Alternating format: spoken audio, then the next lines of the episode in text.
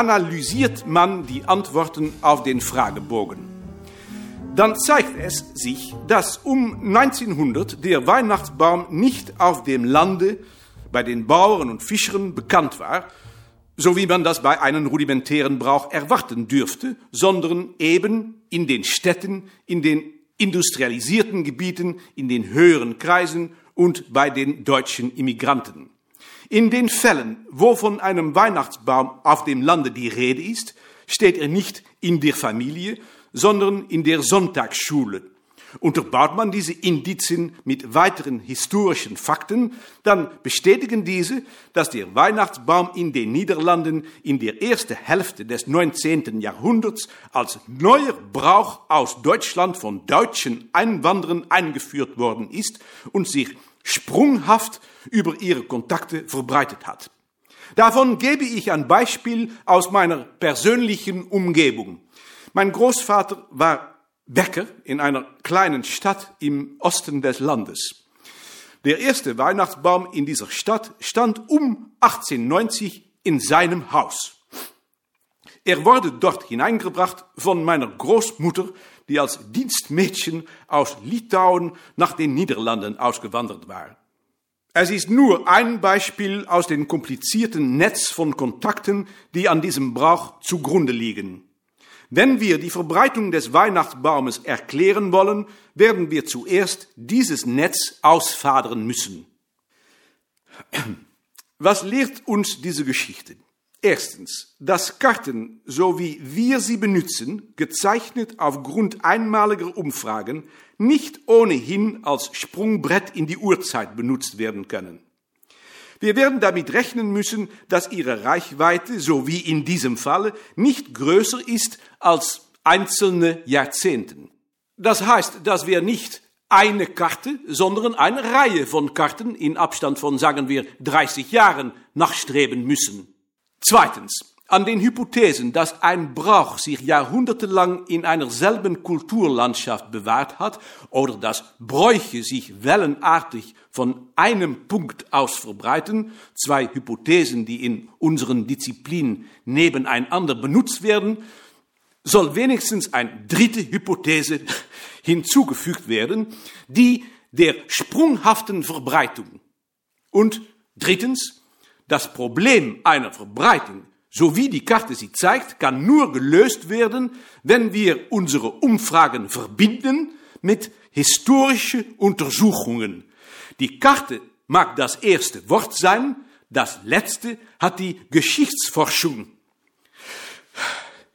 Ich danke Ihnen für Ihre Aufmerksamkeit.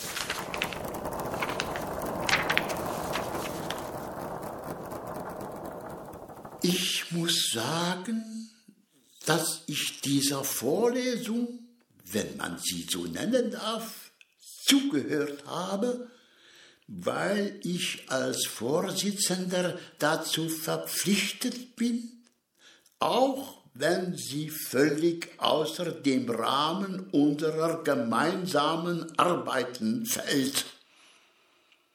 Was sollen wir mit diesem Dienstmädchen aus Litauen bei einer Arbeit, die darauf gerichtet ist, die großen Kulturgebiete und Kulturströmungen unserer europäischen Zivilisation aufzudecken. So etwas kann man nicht ernst nehmen. Am besten kann man es verneinen. Deshalb unterbreche ich jetzt die Sitzung für die Mittagspause.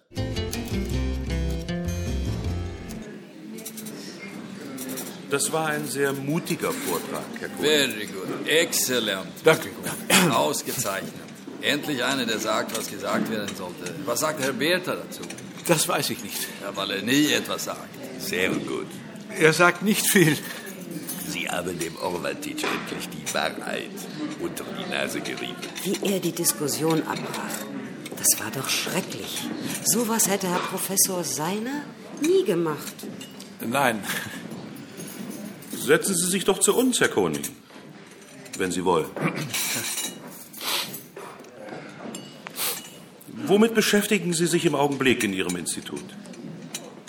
Wir machen einen Film über das Bauernleben früher. Interessant, aber ich meine wissenschaftlich. Here we are. Yes. We're casting off. Yes.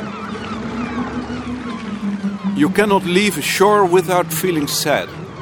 I suppose so.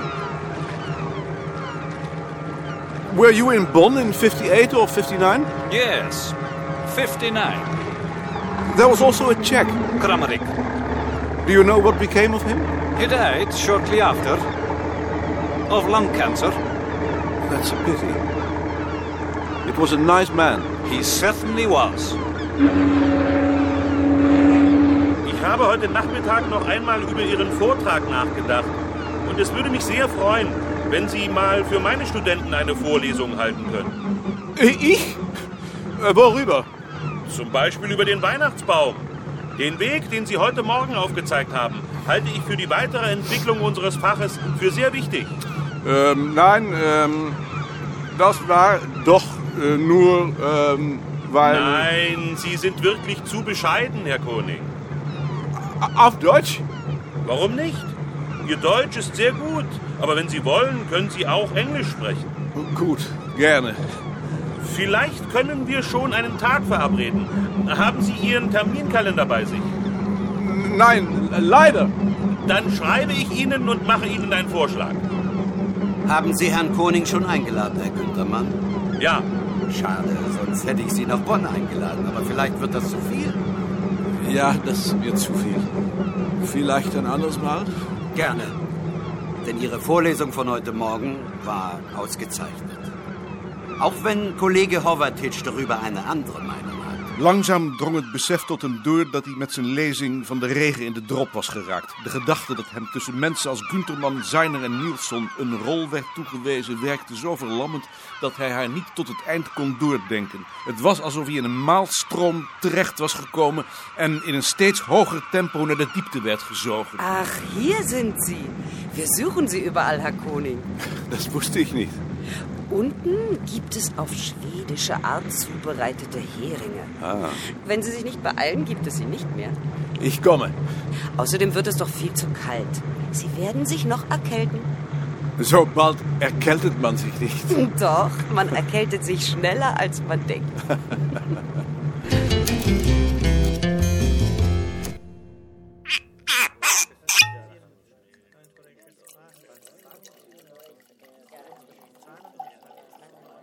Sie haben gestern gut gesprochen. Ja? Ja.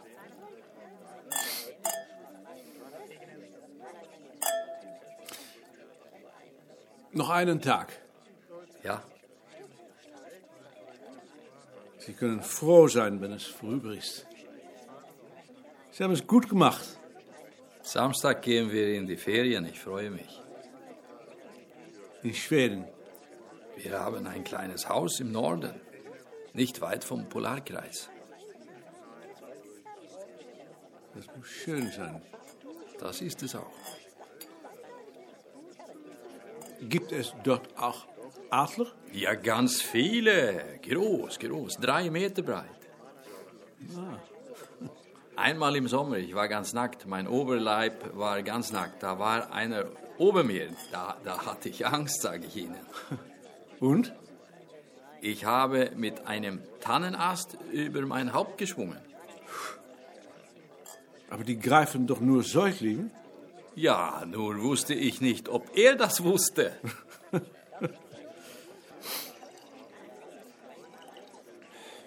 Wenn Sie wollen, können Sie auch in mein Haus. Nein. Ja, Aber ich habe keinen Wagen. Sie kommen nach Stockholm mit Ihrer Frau und wir bringen Sie und dann gehen wir wieder zurück und nach vier Wochen holen wir Sie wieder. Und Sie selbst? Der schwedische Sommer dauert lang genug für zwei. Stråt blev på det sättet, rövas lasarettet. En tog en plåt, prästen två, sen skildes det åt. Auf Wiedersehen. Also, kommen Sie mal in mein Haus. Und wir sehen uns in zwei Jahren wieder in Wiesegrad. Auf Wiedersehen. Das Taxi ist bezahlt. Goodbye, my friend. Goodbye. Vaarwel, vaarwel. Adieu, adieu, adieu. Wat zei die nog? Vaarwel. De taxi is betaald. Nein! Wir haben Geld! We have money! Wir haben Geld! Too late, I've already paid. Goodbye then. Auf Wiedersehen. Nein! Nein! Wir, we have money! Wir haben Geld! Wuiven? Hoe kan ik dat nou doen? Wat kan dat nou schelen? Zulke dingen kunnen me nou juist heel veel schelen. Ik wil niet dat er voor mij betaald wordt. Alles wordt toch voor je betaald? Maar niet door de Zweedse regering. Het hele congres wordt toch betaald door de Zweedse regering? Ach, je begrijpt er niks van. Je praat en je wijs bent. Die Larsson is een aardige man. Ja, hij zegt alleen zo weinig. Dat vind ik nou juist aardig.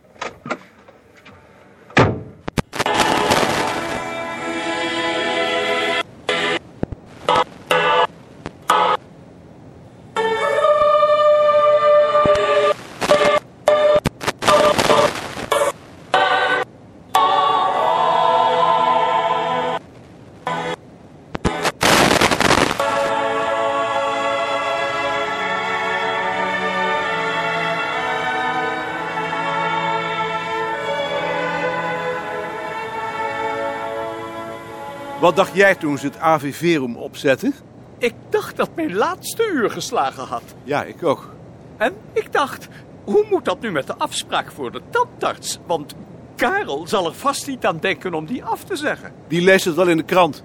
Toch niet dat ik erin zat. Natuurlijk, jouw naam staat in de kop. Groot geleerde komt om op de terugreis van een belangrijk congres. Je spot maar. Alsjeblieft, heren. Uw souper. Kom zo meteen met uw koffie. Als die man geen homo is, dan ben ik erin.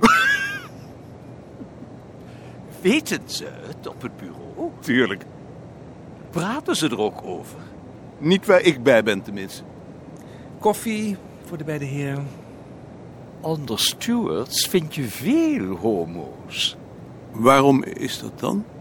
Om het gevaar. Homo's hebben niets te verliezen. Eigenaardig. Waarom is dat eigenaardig?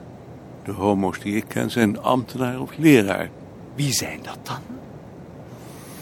Die ken je niet. Nee, waarschijnlijk niet.